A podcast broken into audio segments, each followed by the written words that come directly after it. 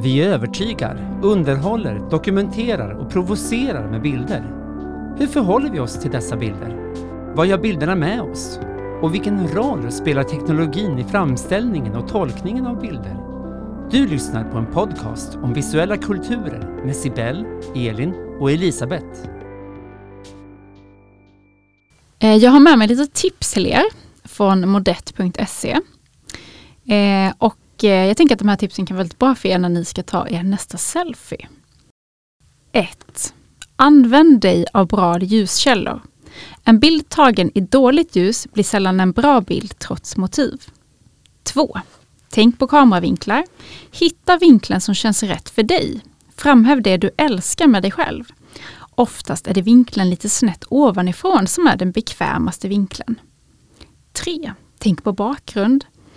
Tänk på vad som omger dig i bakgrunden. Är du hemma så undvik att stå i ett stökigt rum. Se till att det inte finns någonting i bakgrunden som kan växa ihop med dig, som exempelvis ett träd. 4. Testa olika sätt att knäppa bilden. Be någon annan ta bilden, använd självutlösaren eller kanske en selfie-stick. Alla medel är bra. Det gäller att hitta det som passar dig. 5. Använd inte för många filter. Det finns idag mängder med filter. Gör små justeringar. Less is more. 6. Var inte hård mot dig själv. Glöm inte att en iPhone-kamera är i lätt vidvinkel, vilket gör att du kan se lite bredare ut när du tar bilder med den. Och kom ihåg, en snygg bild och ett snyggt flöde, det är inte allt här i livet. Du är fin precis som du är. Vad vackert. Tack Elin. Jag behövde verkligen det där. jag, vet inte, jag tycker att den listan var så himla intressant för att den är så det är både liksom det här tipset kring hur du då på bästa sätt framhäver dina styrkor i bild men samtidigt så ska du också inte, eller då samtidigt ska du också tänka på att du duger som du är. Eh, håll telefonen på ett sätt så du får en riktigt snygg vinkel. Men tänk på att det inte allt här i livet med en bra bild. Den här dubbelheten i tipset tycker jag var väldigt, eh, ja jag skrattade ganska mycket när jag hittade det här. Och också mycket så här din unicitet, ja. alltså hur du kommer bäst till uttryck men samtidigt en väldigt färdig mall att alla kommer se bäst ut i samma vinkel och ja. samma tänk. Men det är lite som att de liksom smeker en på kinden med ena handen och slår till en i facet med den andra. Ja, Så himla manipulativt. Och jag tänker att den här eh, listan knyter an lite till det temat som vi ska ha idag.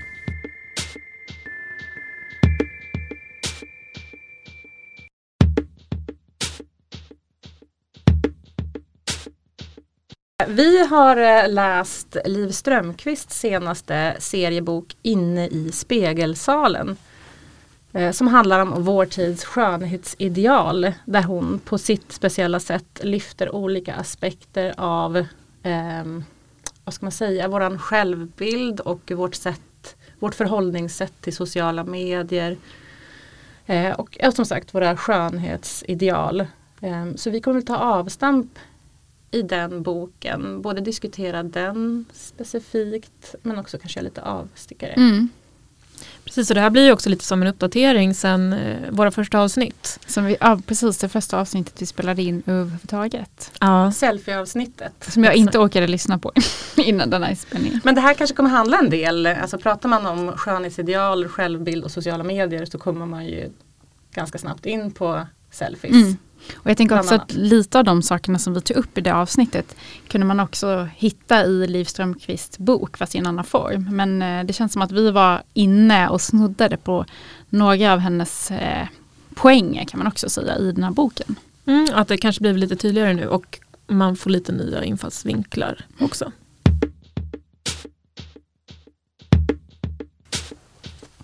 Jag tänker på en, eh, vi hade en liten kick-off här nu inför höststarten. Ehm, vi var på ett eh, våffelhus, åt våfflor och planerade ehm, de närmsta avsnitten, innehåll och så.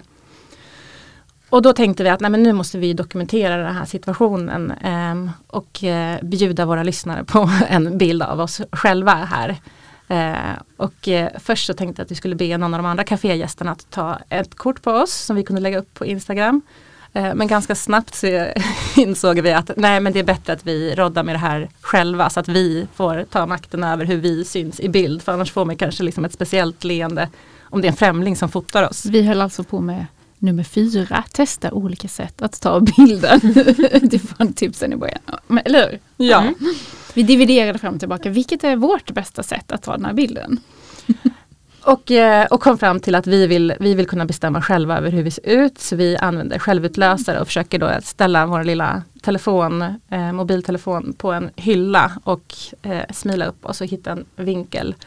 Eh, och jag var väldigt opiffad. Jag kom från skrikiga småbarn och eh, hade kastat mig in i den här situationen och tänkte att ja, det är väl inte hela världen att man inte är sitt snyggaste jag idag. Eh, och så tar vi då de första bilderna och direkt så känner jag, nu berättar jag från mitt perspektiv här, jag fick lite panikkänsla. Eh, för ja, men jag var inte snygg på bild och lägger man upp det på sociala medier så blir man ju offentlig och jag lägger sällan upp bilder på mig själv. Och ska det här vara då det som liksom outas utifrån Elisabeth oktober 2021, så här ser hon ut. Um, satte vi bara, vi måste ta om och vi tog flera bilder. Um, och uh, hur, ja, hur fortsatte det? men alltså jag, eh, apropå de här tipsen som Elin gav i början så kände jag av den här eh, att det är lätt vid vinkel eh, och jag satt på kanten.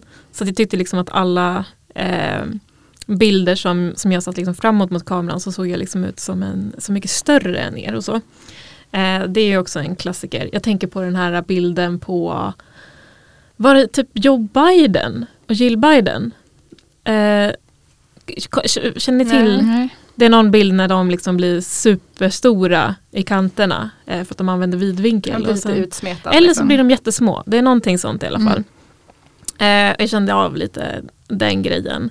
Eh, så att jag vill ju också ta om. Och det här blir också så lustigt för i Liv Strömquists bok så det jag tyckte var bäst där var liksom den här lilla rutan som var liksom att så här, kan man inte, alltså som lite så, det är så jäkla mycket self-love liksom, kan man inte bara få tycka att man är lite ful? Ja och jag tyckte det var ett jättehärligt motto och det var liksom det jag gick in i hela fotograferingssituationen med att ah, men jag kan bjuda på att inte vara jättesnygg här idag. Men så kände jag när jag Men. såg bilden att nej, men det finns väl Men det finns gränser. någon nivå i alla fall. Så till slut så var jag så här, försökte liksom med så här öppet leende, ett li, litet leende och till slut så sa jag det att nej jag, jobbar, jag får jobba på ett helt annat sätt. Jag får liksom iscensätta att jag typ är upptagen. Jag kan liksom inte hitta ett, ett eh, ansiktsuttryck, ett, ett fotoansiktsuttryck. Så att lite mer snapshot-stil. Eh, så nu avslöjar vi att det var ett djupt arrangerad bild där det ser ut som att vi sitter och planerar. Men vi, vi satt ju och posade men låtsades att vi var upptagna. Precis, men där kommer det in en annan norm också som man vill bryta mot. Eh, och då tänker jag på duckface, stoneface. Att eh, ofta så, att bilder på kvinnor ofta liksom är så att man är poserande, ler mot kameran och liksom ser ut som att man är tillgänglig. Medans då eh, Vi möter inte blicken här utan vi, vi är fullt upptagna med vårt Vi, vi hinner liksom inte bry oss om er, vilket vi dock gjorde jättemycket. Men, eh, eh, Men det jag också så. tänker i det här samtalet är ju, man fokuserar ju oftast på selfien som den här eh, som en narcissistisk handling. Men samtidigt har man ju sett att det också är en social aktivitet som, vi, som också pågick. Alltså det, det handlar inte bara om bilden utan vi tog en bild, sen tittade vi på den tillsammans, vi diskuterade, vi skrattade, vi raderade, vi tog om, vi skrattade ännu mer. Fick lite panik. Fick, precis, så att det pågår ju också, det handlar inte bara om eh, om den här bilden i sig utan det här tänker jag också att det finns en social aspekt även när det handlar om att ta en selfie. Att man tillsammans då, alltså man knyts ihop i, i den här gemensamma upplevelsen eller agerandet som pågår. Eller man ska säga. Men också Ja. precis som jag tänker som modellyrket, att alla har blivit liksom lite yrkesmässiga på det sättet att man, eller inte alla, men många har liksom utvecklat en färdighet i precis det här din tipslista i början. Hur du, hur du vill se ut i bild. Och så ser man ju oftast inte ut till vardags men man vet hur man själv ska, ska vinkla sig för att kunna uppskatta sig själv när man ser sig själv i bild. Och det har inte jag övat särskilt mycket på. Och då och då vill man inte vara i bild. Och det är ju, en, det, är ju det som är, alltså jag, jag lägger väldigt sällan upp bilder på mig själv. Och jag kände bara liksom i hela vår här bildpodden grupp. Liksom, att vi var fokuserade på planerandet och vi pratade trevligt. Men när det kom till att vi skulle avbildas i ett fotografi så uppstod det verkligen liksom någon slags stressad stämning där på kaféet hos oss alla tre. Liksom, i att jag vet inte om man nästan skulle våga kalla det en yrkesskada men att man har så mycket tankar kring, kring avbilden av sig själv och fotograferandet så att det, det är svårt att, att få till alla rätt om man säger så. Och, eh, och det kanske inte det behöver vara heller men som sagt jag kände att någon, någon nivå vill man lägga sig på så man, som man trivs med den bild man, man visar upp för omvärlden. Jag tänker också att det handlar lite grann om att man ja, men att man har vuxit upp innan, ja, men, att vi alla minns tiden innan både telefonen och internet. Eh, och man också har tränat sig på att fåfänga är någonting fult och dåligt. Och plötsligt när det gäller liksom hela selfiekulturen att, att publicera en selfie är ju också att göra ett statement. Eh, här tycker jag att jag är vacker. Och det, det sitter så djupt i mig att jag känner mig, ja men jag, jag, tror att det är det jag tycker är pinsamt. Den här, att det här förhävandet av att publicera någonting Eh, och ett blottläggande, här, här, här, har hon nog tyckt att hon är riktigt snygg. Alltså jag tycker det Just när det är ett uppenbart poserande mm. så känner jag precis likadant. Mm. Att så här, Gud vad jag tror att det här är en generationsgrej. Jag tror också att alltså det är en generationsgrej. Jag, jag kan också känna av den En generation, grejen. eller vad sa du? Ja, ja en generationsgrej som jag tror, jag, jag, kan också känna den grejen att så här, fåfängan är liksom skamlig. Men jag tror att det inte, alltså för, och det här är ju bara liksom utifrån vad jag möts av i bilder. Att det känns inte riktigt som att det är riktigt lika närvarande hos eh, en yngre generation. Det tror inte jag heller, verkligen. Men det finns väl också folk som är äldre än oss som lägger upp selfies utan att ha problem med det? Eller? Eller ja, absolut. Jo, Kanske hoppar absolut. över varannan generation eller någonting. Men det här, tar ju, det här tar ju Liv Strömquist upp i boken. Eh, hur det har varit dygd att kvinnor inte ska låtsas om att de vet att de är vackra och att det här varit jätteviktigt. Att eh, kvinnors skönhet är viktig. Um, men du får inte heller visa att du vet att du är vacker för då, alltså man, man hela tiden måste balansera på det här att man liksom ska vara vacker men du ska vara helt omedveten om det blir lite förvånad om du får en komplimang. För den makten i att definiera vem som är vacker ska ligga hos männen. Eh, och det kanske sitter hårt åt i våran generation fortfarande att, att liksom visa att så här ser jag ut när jag tycker att jag är snygg. Och visst är jag det. Och så får jag massa bifall, ja du är verkligen snygg. Och så nickar man tillsammans liksom. Att, att den, den känns så svår. Men eh, att det håller på att förändras, eller det har redan förändrats hos väldigt många. Att det, det är ingenting skamfyllt i att visa att man är vacker. Eller att man kan göra sig snygg i bild och så vidare. Eller iscensätta sig själv som vacker snarare kanske.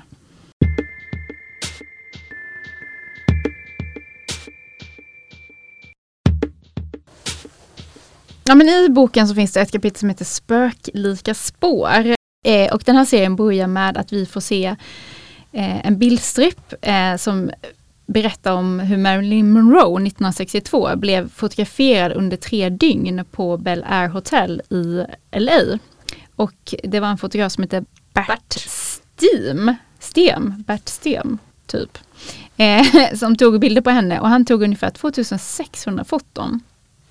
Och han uttalar sen efteråt eh, att han blir eh, besatt av saker och han vill gärna stoppa in dem i sin kamera. Jag tänker att det är också ja, men det här begreppet att fånga någonting på bild får ju en liksom dubbelhet i det här. Som att han ville nästan så kapsla in Marilyn Monroes skönhet i de här fotografierna. Så serien börjar med att hon berättar den lilla anekdoten. Och då klipp till 55 år senare när Kim Kardashian publicerar en bok med bilder på sig själv. Eh, och här finns det dock en stor skillnad. Hon hade ju ingen Bert som fotograferade sig utan Eh, hon fotograferar sig själv. Det fanns ingen man närvarande som tittade på henne genom kamerans lins. Utan hon behövde ingen fotograf som sa till henne att hon var vacker för att hon vet om att hon är vacker. Eller snarare hon vet hur hon ska iscensätta sig själv som vacker och agera då efter det. Man kan säga att hon har utvecklat förmågan att se sig själv med en kåt manlig blick. Eller hur? Mm. Är male gaze som man brukar säga annars. Och här är ju en ganska stor skillnad. Och det är ju en, en, utveckling som man kan se, som jag tror vi alla känner igen. Det här med att vända eh, kameran mot sig själv, ta makten över den egna bilden. Som på ett sätt kan vara verkligen en, ett maktutövande. Genom att vända kameran mot sig själv så är det ju inte någon Bert som får pengarna och makten utan det är du själv som får. Du kapitaliserar på din egen skönhet eller din förmåga att bli snygg i bild. Precis. I den här serien så lyfter hon också in Susanne Sontag. Eh, som pratar om att fotografera är ju inte bara att registrera verkligheten utan det är också att värdera den. För som fotograf, eller när vi har en ka kamera i handen, så bestämmer vi själva när vi plockar fram den här kameran. Alltså vad är värt att fotograferas? Eh, eller vem är värd att fotograferas? Och då också vem är det som är vacker? Eh, och här tänker jag också på jag började tänka, när jag läste det så började jag tänka på Bingo Rimér, den här gamla flickfotografen. Sveriges svar på Bert. ja men precis. Ja, men just det här, det fanns ju, var det på 90-talet, eh, där tidningar som Slits och More var ganska stora. Ja, men vilken makt han eh, som man satt på egentligen att avgöra, vilken, genom att avgöra vilken han, eller han avgjorde vem som var vacker genom hur, åt vilket håll han riktade sin kamera. Vilken fick vara framför Bingo Remers kamera. Och hur avbildar han dem? Precis, precis. Och eh, i serien så plockar hon också in en tänkare som heter Naomi Wolf. Som pratar just om att innan kameran fanns så var kvinnlig skönhet ingen superstor grej. Utan då kanske man hade dem i sin närmaste by att jämföra sig med. Men sen när man började då helt enkelt fånga då det man kallar skönhet på bild, så har vi också fått jättemycket mer förebilder att jämföra oss med. Eller framförallt en, eh, alltså hon lyfter just hur det blir en strömlinjeformad mm. måttstock. Att tidigare så kunde ju någon kanske vara tjock och kort hår men i en jättesensuell röst och det blir den vackraste kvinnan i byn. Alltså att man gick på olika eh, parametrar. Eh, ja. Men att i, i ett fotografi så försvinner ju utstrålning, ljud, röst och alla de bitarna. Utan, doft. Och doft. Utan vi, ju fler vackra kvinnor som publiceras desto mer strömlinjeformad måttstock får vi alla i vad som är vackert. Och vi tycker likadant. Precis.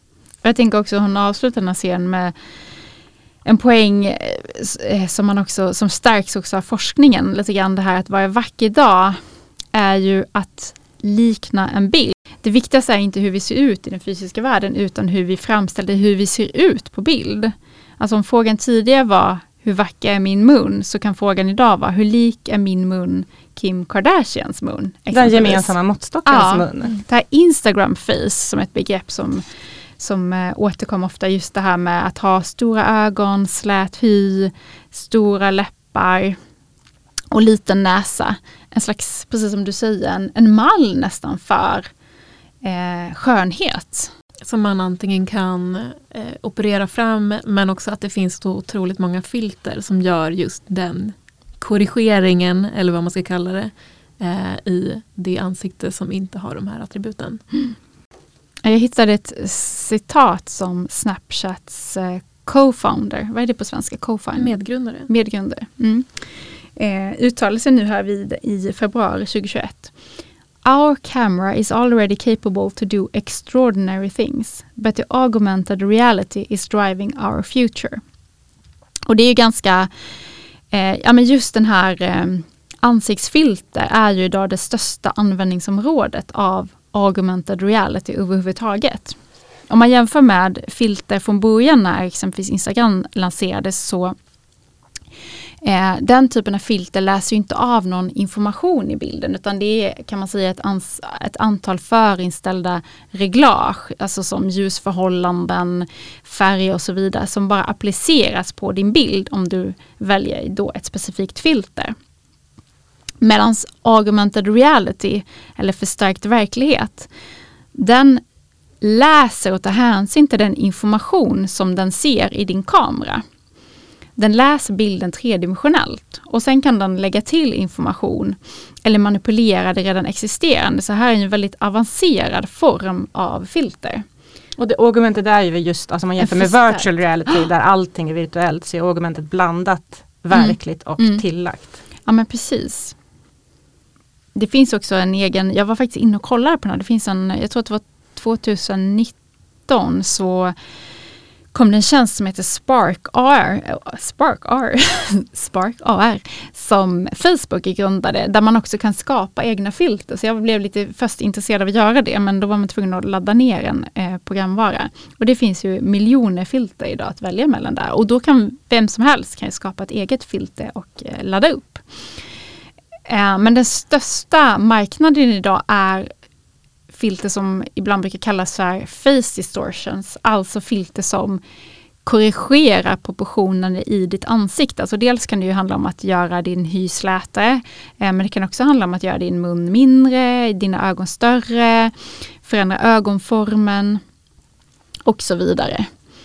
Och i um, en studie som är gjord av Class eh, Prescott i University of South Wales så pratar hon just om, eller hon har kollat på barn mellan 10 och 11 år.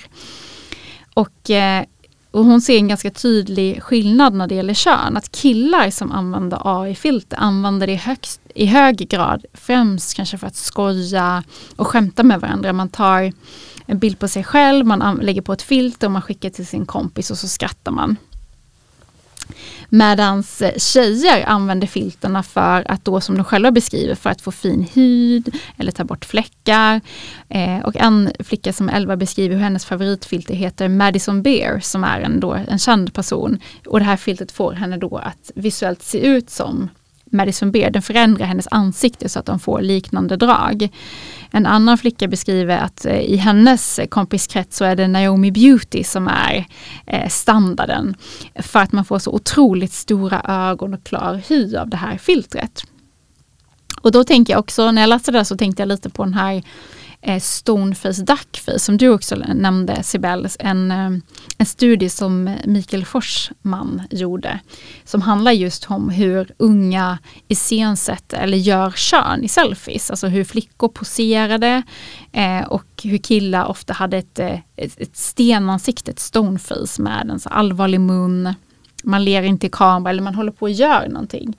Och det tycker jag också är intressant för det är speglas ju också i precis den här studien hur, hur kön använder filter. Att tjejer använder det för att iscensätta sig själv som vackra eh, medan killar då använder filterna för att leka och skoja. Och det här kan man ju verkligen, man kan ju se just, tänker jag, filter som en lek med identitet, alltså ett, ett rollspel, alltså lite som en så här, ett, en spelkaraktär eller en avatar ja, men en, en, en lek med en digital version av oss själva som egentligen alltid har pågått bland unga, en slags liksom, identitetsskapande. Men det finns ju en del problem här och ett av problemen är ju att i sociala kanaler så finns det också den här inbyggda responsen från de andra, ett värderande som hela tiden pågår som kan bli ett eh, problem. Och Claes Prescott hon pratar också om att den här identiteten online nästan blir som en slags artefakt, ett konstgjort föremål. Eh, du projicerar liksom en bild av dig själv. Och den här relationen mellan ditt fysiska jag och ditt digitala jag blir ju lite komplicerad.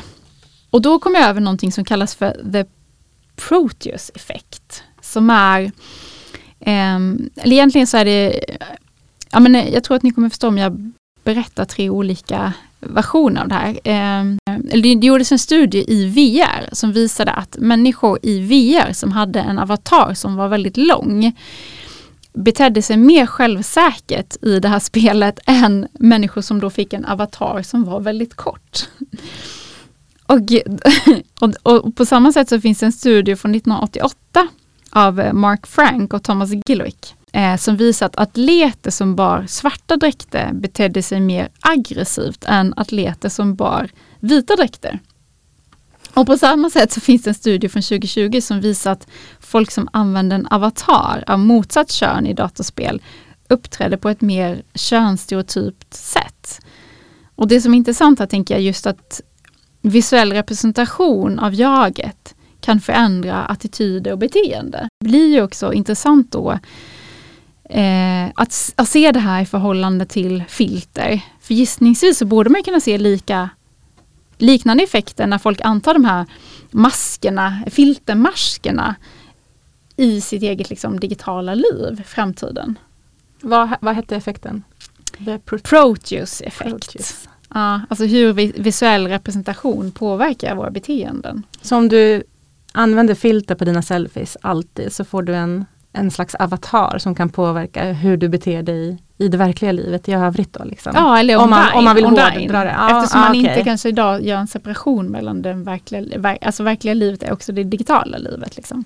Och samtidigt så är det en ganska stark uppdelning tänker jag. Alltså just att det är, det kommer jag komma in på på mitt kapitel sen, Ja. men just den här grejen att eh, det finns en tudelning eller en klyvning mellan det verkliga livet och eh, arenan.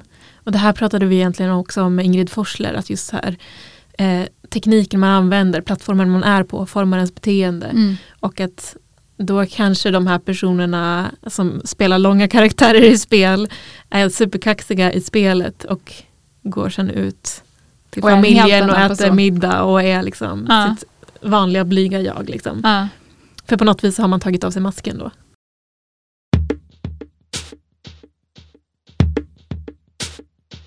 För jag tänker också att många av de här tjejerna som var med i studien verkligen beskrev hur de aldrig hade publicerat en bild utan ett filter, som ett distortion-filter då, nu pratar vi om augmented reality-filter, som förändrar deras ansiktsuttryck. Och jag tänker liksom lite Alltså grann... anletsdrag, Anletsdrag. att du får liksom en annan sorts näsa, en annan sorts Exakt. mun. Så liksom. Exakt, så det är inte bara att det är lite slätare hy, utan Nej, det ser nej. annorlunda ut. du ser annorlunda ut.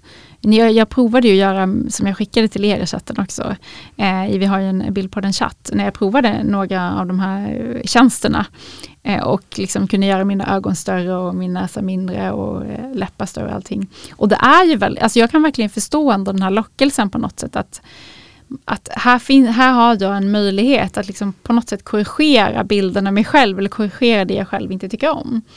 Men sen tycker jag också det är intressant just med ja, men just man tänker sig att fotografi och minne har en stark koppling. Att vi, vi fotograferar ju för att minnas också. Och om man då tänker sig att man är gammal och så kollar man tillbaka på sitt liv. Eller, eller, eller man tittar tillbaka på människor som inte längre lever på bild. Men om de människorna bara syns på bild med ett augmented reality-filter, alltså där du har då förändrat sina vad gör det med minnet? Alltså, Det, det är också något så här, det blir jättespeciellt tänker jag. Om det bara finns Alla går runt och tänker att man är lite snyggare än man egentligen är, medan alla runt omkring en bara ja ja. Jo fast också hjärnan, alltså till, till slut så kanske du tror att du, alltså hjärnan, för minnet funkar ju så, till slut så kanske du tror att du faktiskt såg ut så. Jag vet inte. Ja, alltså det är väl bara att kolla på bilder för, liksom, från några år tillbaka. Ja. Man, man, har ingen rela- var- man har ingen relation till sitt yngre jag. Nej, man tänker att man kanske såg ut så. Eller jag kommer ihåg att jag hade en gammal telefon som liksom hade den hade automatiskt ett så här beautyfilter på varje gång man slog på selfien. Det liksom upptäckte jag ganska långt in på att jag har haft den liksom ett tag. Eh, och liksom, till slut så började man ju säga, jaha, men det kanske ser ut lite så här. Ganska och bra sen när jag tittar tillbaka på de bilderna så, så här, 2016, det var, det var ett bra år. Eh, men att det var nog inte så jag såg ut. Men det är också som att jag inte riktigt vet när det var liksom, i årtal. Så att det blir ju Och det är ju därför man också kanske inte vill ha de här fula bilderna på sig själv. Alltså du, du, du fångar ju en, en bråkdel av en sekund. Eh, och man vet ju Mm. att man kan se ut på alla möjliga olika sätt. Alltså, i, I verkliga livet så rör du dig och du har mimik och allt möjligt. Mm. Men att just det här att frysa ett ögonblick blir ju så bedrägligt. Mm. Ehm, och då kan man se skitsnygg ut eller så kan man se jätteful ut beroende på vilken grimas man gör.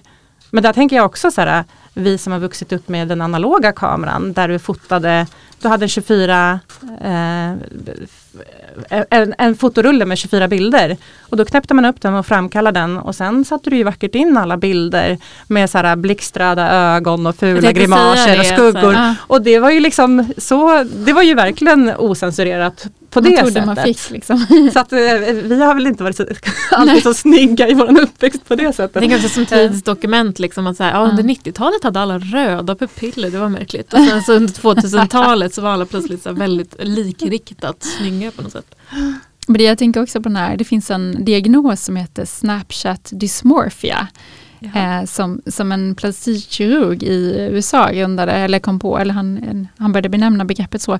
För att han såg en skiftning att innan eh, de här filterna implementerades så kom folk till honom med en bild på en kändis. Jag vill se ut på det här sättet. Men nu kommer folk med bilder på sig själva när de har filter. Jag vill se ut som mitt filter. Och det är ju en ganska så här ja, men en, en väldigt, jag, jag, vet inte om jag ska säga oroväckande, men det finns ju något djupt obehagligt i det där också. Att man... Jag vill se ut som mig själv, som, som jag ser mig själv ah. i sociala medier. Ja, För då, och då blir det också den här att bilden blir, bilden blir viktigare än verkligheten. Jag tänker också på en sån sminktrend som jag snöade in på ett, en period.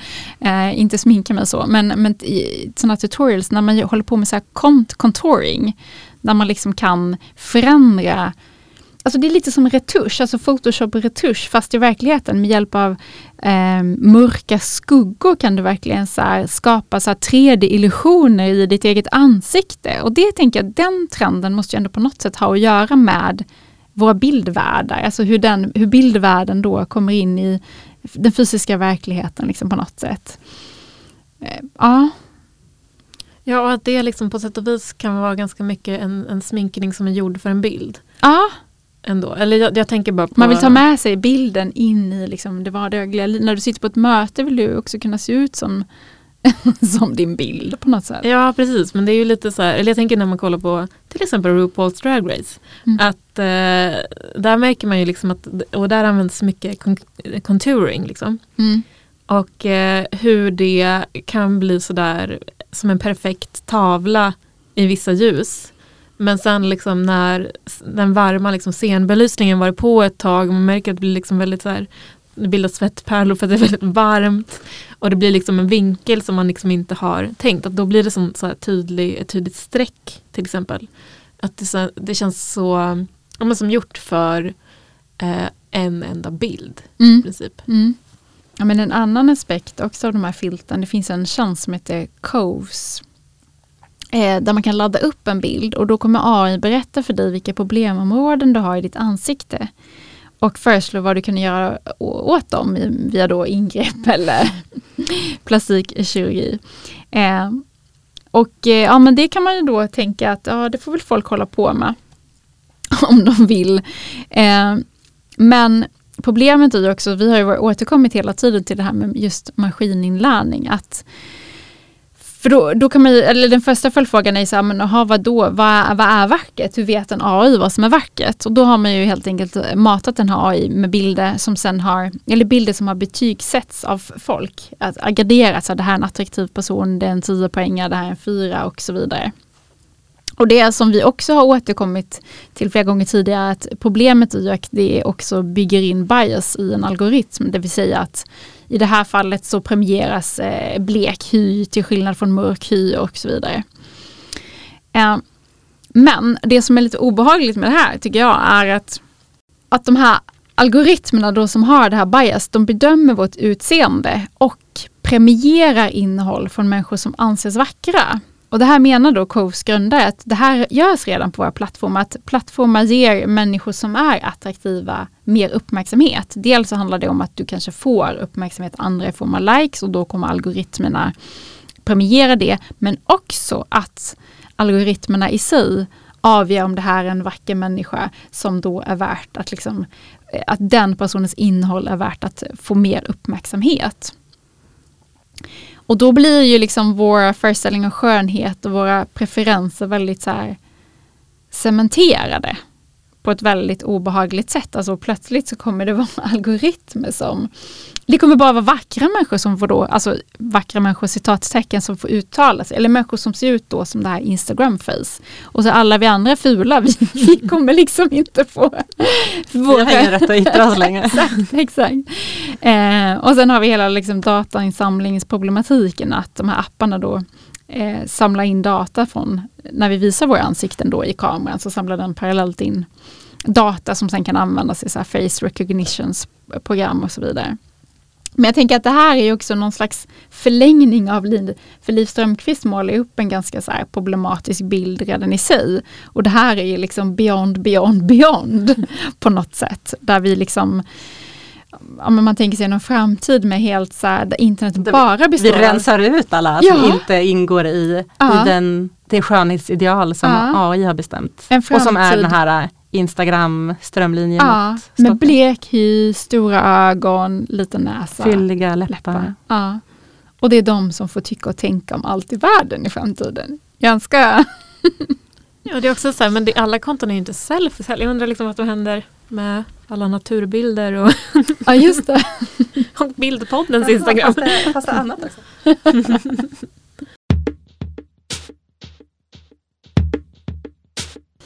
Ja, som utlovat så kommer jag prata lite grann om fejkandet. Och som jag nämnde så har jag sett en eh, HBO-dokumentär som heter Fake Famous. Är det någon av er som har sett den? Nej, jag tror att jag har hört talas om den men jag har inte sett den. Nej. Den är av en eh, filmproducent som heter Nick Bilton. Han är eh, en brittisk-amerikansk journalist och författare också. Den här dokumentären eller filmen eller vad man ska säga eh, är ett slags experiment. Och man söker då efter tre stycken frivilliga personer men de får tusentals sökande. Så att det är en ganska lång urvalsprocess i början av filmen. Och eh, det de söker då är personer med ett relativt litet antal följare på Instagram som då ska göras till influencers. Och man blir väldigt nyfiken på hur det här ska göras också. Att det är liksom, ja men hur bygger de en följarskara? Och man kan väl säga att de gör det ganska lätt för sig för den här filmproducenten använder produktionsbudgeten till att köpa bottar. Och då köper de bottar som både följer, eh, kommenterar och likar innehållet. Och det som händer då är liksom att de köper de här bottarna till de här tre personerna varpå då fler och fler börjar följa för att de hamnar ju liksom längre upp i sökresultat och eh, rekommenderat innehåll. Så att de får också verkliga följare. Ehm, två av de här två personen, eh, tre personerna hoppar av under processen. Eh, en ironiskt nog för att han vill ha en äkta följarskara. Så han börjar liksom radera alla sina eh, bot, eh, botföljare. Och det blir lite bråk kring det och sådär. Eh, och den andra personen som hoppar av eh, blir ja, men får lite skamkänslor kanske man kan säga. För att han får ett meddelande av en ytligt bekant som ställer sig lite frågande till varför det är så många bottar som följer honom och vad är det som händer med honom? Har han en kris eller vad är det som pågår? Eh, så han gör sitt konto privat då. Alltså influencerlivet är kanske inte för alla men en person som är en aspirerande skådespelare som heter Dominic hon går all in och går från strax över 1000 följare till 250 000 under inspelningens gång.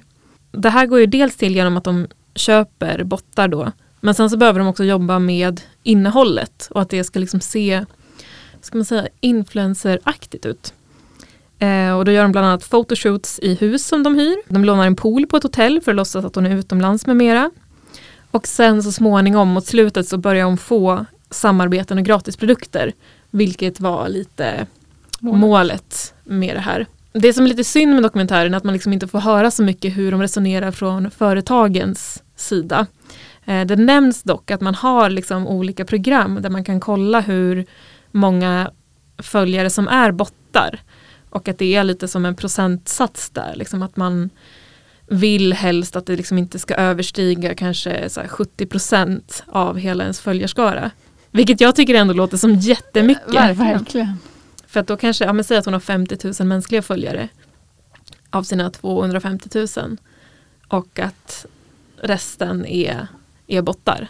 Så Men är syf- Är syftet med bottar att få andra att tro att hon är alltså, Populär. populär eller är det att, att få algoritmerna att tro att hon är populär? Eller kanske båda? Både och, men också att det är väldigt riktat till företag. Liksom. Att det är Mm. så här, siffror man kan lämna in då. Man liksom. gestaltar en popularitet. De här företagen får inte veta att det är massa Ja, de har- fake. Jo, de flest, ganska många företag verkar ju ha ett eh, program som liksom kan undersöka det här, hur många är bottar utav de här följarna och så vidare. Mm. Eh, men alla har ju inte det. Och vissa kanske inte bryr sig. För hon får ju ändå eh, erbjudanden så småningom. Eh, men sen är det väl också att så här, gentemot just det här med andra följare så är det ju lite så vad ska man säga, social press. Att så här, om, det är någon, om det är väldigt många som kommenterar så kanske det också ökar chanserna till att en verklig person faktiskt kommenterar. Och är det någon som har väldigt många likes så är det lättare att lajka än om någon har noll likes. Eller det kanske ni känner igen, att så här, ska jag vara den första? Verkligen. Men vad är innehållet liksom i deras konton? Alltså... Ja, eh, bland annat så är det ju liksom väldigt mycket self, eller inte selfies, för hon har ju en fotograf oftast, även om det ska verka som selfies. Och hon blandar då innehåll som är ja, men I hennes inlägg så är det ofta liksom väldigt snygga bilder på henne själv. Och sen så gör hon stories eh, där hon liksom ska vara lite mer äkta så att säga. För det är också en del av den här kulturen. Liksom. Att måste visa att hon är en verklig människa.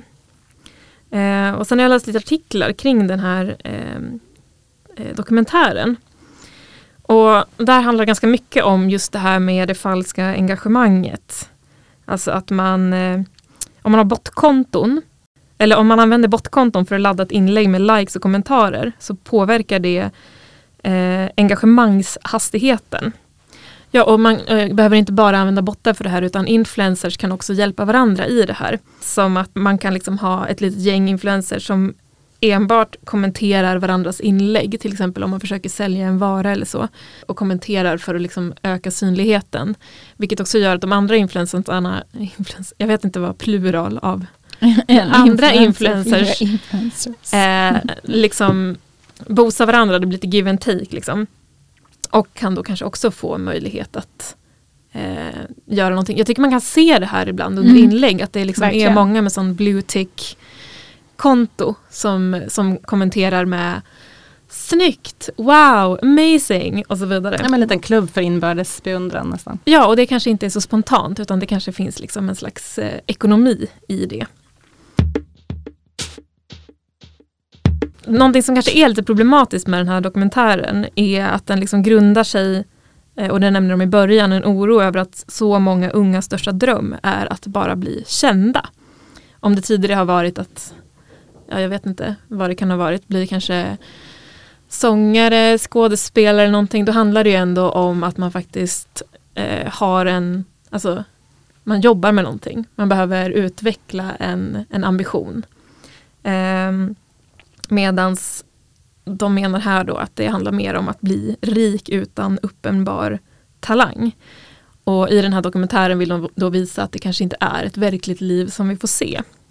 Men samtidigt så kan man säga att de är ganska liksom biased i det här. Att de utan någon tydlig data menar att eh, ja, till exempel 140 miljoner användare på Instagram har över 100 000 följare. Och att det insinueras i den här dokumentären att de flesta är ganska ytliga och fejk utan att faktiskt ha belägg för det. Men jag tycker liksom inte att det intressanta med den här dokumentären är hur många bottar som följer de här influencers, influerarna. ja, influerarna heter det kanske? Ja, jag kör en sån direktöversättning nu. Svensk, svensk variant. Precis. Eh, men jag tycker det är ganska intressant hur de jobbar med bilderna bakom. Liksom. Eh, och hur resultatet uppmanar till lyxkonsumtion. Så här kommer några exempel. Bild. En kvinna ligger i en pool fylld av rosor. Det är soligt. Bilden har tagits spontant under semestern eller kanske på ett spa. Och sen bakom kulisserna. En kvinna har sitt huvud i en uppblåsbar barnpool fylld med vatten och rosblad. Fotoassistenten står med en lampa tätt intill. Ett annat exempel. Bild. En person tittar ut genom ett flygplansfönster. Verklighet. En person står på ett tak och tittar på utsikten genom en toasits. Den här känner man igen lite den här ja. eh, eh, mm, klassiska när man ser två ben som ligger på en strand och så är det, det, typ två prinskorvar. Korv eller ben. ja precis, korv eller ben. Två prinskorvar framför ett vykort. Exakt. Det är ju verkligen också en sån, ett sånt trick. Eh, jag, jag drar några till exempel här mm. för att de är ganska är roliga. Mm. Eh, bild. En man väntar på avfärd i ett privatplan som denna har helt för sig själv. Verklighet. Ett fototeam har hyrt en studio som byggts upp endast för att likna ett privatplan så att folk ska kunna ta bilder. Men det här är bilder som är med i, på de här kontona? Ja precis, mm. så här får man se liksom mm. bakom kulisserna när de tar de här mm. bilderna. Eh, bild, två influencers glider runt i exklusiva klänningar på ett gods som de kanske semestrar tillsammans i. Om man får tro platstaggen. Eh, man kan ju tagga sina inlägg Just med en det. plats. Verklighet. Ett fototeam har hyrt ett gods i fyra timmar för intensiv fotografering. Stylister och makeupartister stylar om dem mellan bilderna. Och så en sista. Bild. En man hänger vid poolen på ett lyxhotell. Verklighet. En man hänger vid poolen på ett mellanprisklasshotell som de tjatat till sig att få använda. Under fotograferingen ringer hans chef som undrar var han är. Ehm, och jag tänker att om målet för aspirerande influerare är att få gratis resor och leva ett liv i lyx och att det här lätt kan fejkas, då är det liksom en ganska falsk dröm. Ehm, men jag har liksom alltid gått omkring och tänkt att, eh, och kanske stört mig lite på att influencers är eh, liksom ett klimathot nästan. alltså för jag tänkte så här, om man reser hela, hela tiden och lyxkonsumerar konstant, att man liksom bara förstör planeten. Men om man hela tiden kan fejka det här, då kanske det inte är en influerare i sig som är problemet, utan det blir ju snarare att de normaliserar ett liv som ser ut på det sättet. Och att det blir mottagaren som tar med sig det mer eller mindre bokstavligt och tänker att det är sånt här liv som jag vill leva. Det ska vara eftersträvansvärt. Liksom. Man begär Precis. det livet. Exakt, apropå det här med eh, ungas drömmar om att bli eh, influencer. Just för att man vill resa jorden runt och bo på lyxhotell. Även om de faktiskt inte gör det. Så det blir liksom eh, de vanliga människorna som eh, ändå tar efter den här livsstilen. Och om vi går över till Liv Strömquist då. Eh, och kapitlet om, Spegelsalen. ja, eh, Spegelsalen heter boken. Inne i spegelsalen. Men jag tror Ja. kapitlet heter Spegelsalen. Eller har jag fel? Tyrannisk tavla. Men det baseras, eh, kapitel eh, titeln baseras lite grann på en eh, drottning, eh, eller en kejsarinna, Elisabeth av Österrike, som liksom På 1800-talet. på 1800-talet som blir så otroligt vacker på en tavla utav sig själv. Men eh, som man vet så åldras ju inte tavlan men det gör personen. Vilket till slut gör att hon eh, Ja, det skapar förväntningar hos människor som ser den här tavlan. Och det gör att hon när hon blir äldre bara vill gömma sig hela tiden. För att hon kan liksom inte leva upp till den här beryktade skönheten som då alla tror att hon innehar. Och också att hon har munnen stängd på alla målningar för att hon har så dåliga tänder. Och alla tillställningar. Alltså hon pratar knappt med folk för att hon inte vill visa sina tänder. Precis, hon liksom väser fram nästan det hon säger för att slippa, eh, för att hon har en så tyrannisk och ouppnåelig tavla. Och det här går då att koppla till då eh, hur det blir lite grann på Instagram också. Eh, Richard Seymour beskriver det här ganska bra. Alla vill inte bli kändisar, men alla är på något sätt involverade i uppmärksamhetsekonomin. Bara genom att ha ett sociala mediekonto har man en offentlig image. Bara genom att posta en status eller svara på en kommentar har man en public relations-strategi strategi. Och Det här blir ju tydligt på något sätt. Men jag tänker också att vi eh, pratade lite grann, jag tänker koppla tillbaka till någonting som du sa Elin, just det här med verkligheten och bilden. Att i den här dokumentären så pratar de också med en person som jobbar med press och eh, försöker hitta liksom, Instagram-modeller till att göra olika liksom, photoshoots med dem. Eh, men att de ofta tackar nej. För att bilderna som då fotograferas i verkligheten, att de har liksom ingen kontroll över det och att de blir inte så snygga som om de skulle ha ett filter. Så den verkliga personen går liksom inte, de kan inte bygga in det här i sin tavla, det är liksom inte kompatibelt. Och när jag pratat om influencers nu så har jag syftat på den här stora massan som i alla fall i mina ögon ser ganska likadana ut, apropå vad vi pratat om tidigare också. Eh, kanske en majoritetsgrupp som i stort sett uppfyller normen.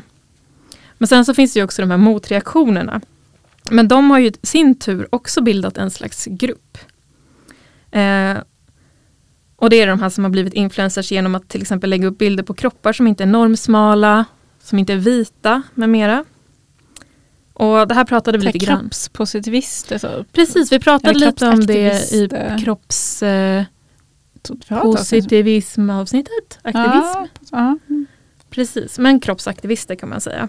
Som vill liksom bidra med en annan slags bild. Eh, men här tycker jag också att Liv bidrar med ett intressant perspektiv. Så om liv på resande fot med lyx och flärd och perfekt smink eh, är liksom den här standardinfluensen. Eh, och att de har ett ganska begränsat liv genom att de kanske inte kan visa när de käkar på McDonalds till exempel. Eller har en dålig hårdag. Eh, och de eh, skapar en slags persona då, eller en tavla som de fastnar i eftersom det finns normer även i dessa sammanhang. Men det här händer ju även för de alternativa grupperna och det här tycker jag liksom att Liv eh, eh, beskriver väldigt bra.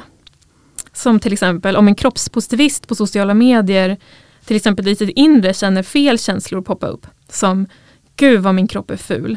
Eller jag vill vara smalare. Eller i morse kändes jag för att kräka upp min, kräkas upp min mat eller något liknande. Så kan dessa sidor inte visas upp inom ramen för det publika jaget som istället måste pressa in alla delar av sin personlighet i facket positivt och inspirerande. Eller om man kanske har en mammablogg och som då liksom kanske marknadsför sig, eftersom vi alla är små PR-företag, som ärlig. Eh, har fått en flipp och eh, eh, misshandlar sina barn psykiskt, då kan du inte berätta det här utan denna verklighet måste liksom döljas bakom en förmildrad performanceartad uppvisning i då ärlighet och moderskap. Eller en influencer som till exempel är patologiskt avundsjuk och hatisk mot andra kvinnor måste vara smart nog att välja upp några mer lättsmälta mänskliga brister för att inte allvarligt skada sin karriär och sin likability eller tappa följare eller sponsorer. Och sen sammanfattar hon det här med att när det publika jaget möts av hurrarop, kärlek och acceptans rör sig ett annat jag i det fördolda. Ett jag som känner sig mer och mer obekräftat, oälskat, misslyckat och svagt. Så det hon menar är att det är väldigt svårt att visa upp en tavla. Men det är också väldigt svårt att inte bli tyranniserad av sin tavla. Och jag tänker det där, eller det där tänker jag också hänger ihop med det här med filtren exempelvis som vi pratade om just att så här, om du bara om, om, om filtret, om vi tänker att tavlan istället är hela tiden bilden av dig själv med filter. Då blir det också så här, du kommer aldrig kunna uppnå den bilden av dig själv, vilket jag tänker också kan vara en stress att hela tiden Ja men det är det här att vi ja. brott, det känns som att liksom det är ganska få som inte har något sociala mediekonto idag. Och så fort du har det så hamnar du i den här att du får brottas med ett offentligt jag och ett privat jag. Din självbild utifrån att vara i din egen kropp och att externalisera en bild av dig själv via teknologi, kamera, sociala medier, filter som du sen måste spegla dig mot eller förhålla dig till den här skönhetstavlan som du vet såklart inte är riktigt äkta eller att det är någonting mm. annat. Att vi alla hela tiden brottas med det här idag. Mm. Och vissa gör det väldigt aktivt och med en strategi. Och andra kanske liksom blir tagna på sängen som, som vi på våffelstugan där. Att nej men vänta ett tag här, nu är det vårt offentliga jag och det är dessutom Bildpodden, hur ska vi nu gestalta oss själva? Eh, vilken image, vilket förhållningssätt, hur snygga, hur fula får vi vara? Att det här är någonting, det är en realitet som vi all, ja, i princip alla befinner sig i på, och, och måste förhålla sig till. Och vi kanske inte riktigt har en färdig tavla, vi är mer som en lite kladdig skiss snarare. Mm. Vilket är ganska skönt att förhålla sig till också. Jag tror det var på Aftonbladet någon artikel, var det innan sommaren, en av Kardashians systrar, jag minns inte vilken det var, där det hade, hennes eh, farmor hade råkat lägga upp en bikinibild på henne som var oretuscherad. Och hennes panik när hon upptäckte att den här bilden hade florerat på nätet för den spreds sen vidare och hon till och med anlitade ju, eh, vet det, jurister sen för att försöka komma åt den här bilden. För den bilden bevisar på något sätt att tavlan var en tavla. Och det var liksom outhärdligt för henne. Ja, eller att det blir en läcka liksom i den här perfekta självbilden mm. där det sipprar ut någonting som inte får sippra ut. Liksom. Men jag tänkte också eh, på eh, Liv Strömquists den hette inte Spegelsalen som jag sa, utan den hette Tjejen vid spegeln tror jag. Som handlar om det här med memet... Tjej vid spegel. Tjej vid spegel. Memetisk begär. Apropå influencers också. Eh, men att vi, vi begär det andra begär. Det tyckte jag var jätte, eller för mig var det verkligen så här, just det, just det. det är, ja, men om vi tittar då på bilden av Kim Kardashian så är det egentligen inte Kim Kardashian vi vill vara utan vi vill vara föremålet för andras åtrå på ett sätt. Och det tänker jag också hänga ihop då med influencers lite grann, att vi, ja men att, att de blir en så perfekt förmedlare av begär. Eh, ja, men om ett företag får oss att tro att en tredje part begär någonting, då begär vi det mer. Och det är liksom hela sponsringskulturen bygger ju på, på det där liksom förmedlandet av begär. Och då, då är det mer effektivt att en influencer står för någonting, kolla den här produkten är skitbra, än att man gör liksom en reklamkampanj. För vi också har en, nära, en närmare relation till influencern, det är en förebild, vi kanske ser den som en vän och så vidare. En vän och en fiende. Eh, det står ju också i det kapitlet väldigt mycket om hur det är en slags hatkärlek. Mm. Eh, eftersom man också konkurrerar om samma begär. Och också en jakt på liksom att vara autentisk. Att, eh, man vill inte skylta med att man egentligen bara härmar rakt av eh, Khloe Kardashian till exempel. Utan man vill se det som att det är ens eget begär. Och man kanske till och med på något undermedvetet plan tror det. Man tänker inte på att man hela tiden liksom är en slags sugande svamp som får in det här och hennes begär också. Så att man både tar av begären och konkurrerar om dem. Mm.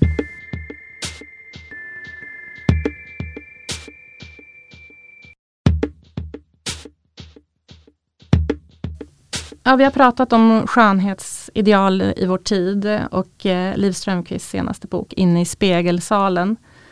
Och det känns som att det hänger ju verkligen ihop det här med teknologi som kamera och sociala medier, hur du kan publicera dig själv. Men också hela våran samtid, hur vi lever i en, en modernitet där vi hela tiden försöker kontrollera och äga, eh, mäta eh, och på något sätt ja, planera, vi vill ha kontroll över tillvaron och där kommer även liksom eh, skönhetsidealet in. Och att kameran och fotografiet är ett sätt att värdera och fånga skönheten, sin egen skönhet, styra över den, lägga på filter mm. och allt vad man kan göra. Jag tänker bara, förlåt Elisabeth, mm. jag bara, men och också så att Å ena sidan så är det ju verkligen som vi har också nämnt något positivt att ta makten över kameran, att ta makten över liksom, istället för att ha Bingo mer bakom kameran så, så kan vi själva liksom eh, iscensätta oss och publicera oss. Men den andra delen av det är ju liksom att bild, det är ju ingen skillnad på bilderna. Bilderna ser ju likadana ut nu som då och det är ju lite deppigt. Kan man ja, det här mans... Eh, The male gaze. Ja, på det sättet. Eh, men även eh, den sortens uttryck men även selfies, ja det kan ju också diskuteras hur mycket male gaze, den finns väl såklart ofta där också. Eh, men att det, det finns en dubbelhet i att kunna ta kommando, alltså alla har vi väl haft känslan av panik när man blir ful på ett skolfoto till exempel. Att du inte äger bilden av dig själv. Och därför är det ju jätteskönt att kunna styra över den. Men, och att du kan få ekonomisk vinning idag på det. Ja, men att vi har blivit tudelade i det här privata jaget och det offentliga som blir självbilden som ligger ute på sociala medier och hur vi ska förhålla oss till det. Och eh, Lis Strömquist lyfter ju också, eller flera aspekter av skönhet, men, men just att eh, den går inte att äga eller spara och att den till sin natur är förgänglig. Så att där har vi ju på något sätt en grundregel som gör att det här blir ett väldigt fåfängt arbete. Att försöka fånga skönheten och äga den Eh, och vi alla åldras. Så här, det här blir ju någon slags eh, kamp förgäves. Som, det är nästan så att det är dömt att vi ska bli olyckliga eller att den här offentliga bilden skevar mer och mer ju fler filter vi lägger på när vi åldras eller vad man kan tänka sig.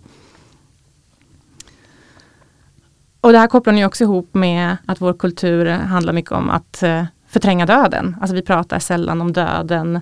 Eh, jag har också läst om att det är allt färre som alltså begravningar har allt färre besökare. Alltså vi, vi har väldigt svårt att förhålla oss till döden generellt i samhället idag. Och det kan man ju verkligen se en parallell till att skönhet är förgängligt. Allting går om intet. Eh, och det, det lyfter hon här i boken på ett ganska vackert sätt. Mm. att Det kanske är sunt att på något sätt få det perspektivet, att få den distansen, att allting kommer tas ifrån oss, allting kommer dö. Och så även våran strävan efter att vara vackra. Att det, det, kanske, det är kanske där vi kan hitta öppningen. att, att, att, bli fria från de här kraven i, i den tyranniserade tavlan som vi måste förhålla oss till.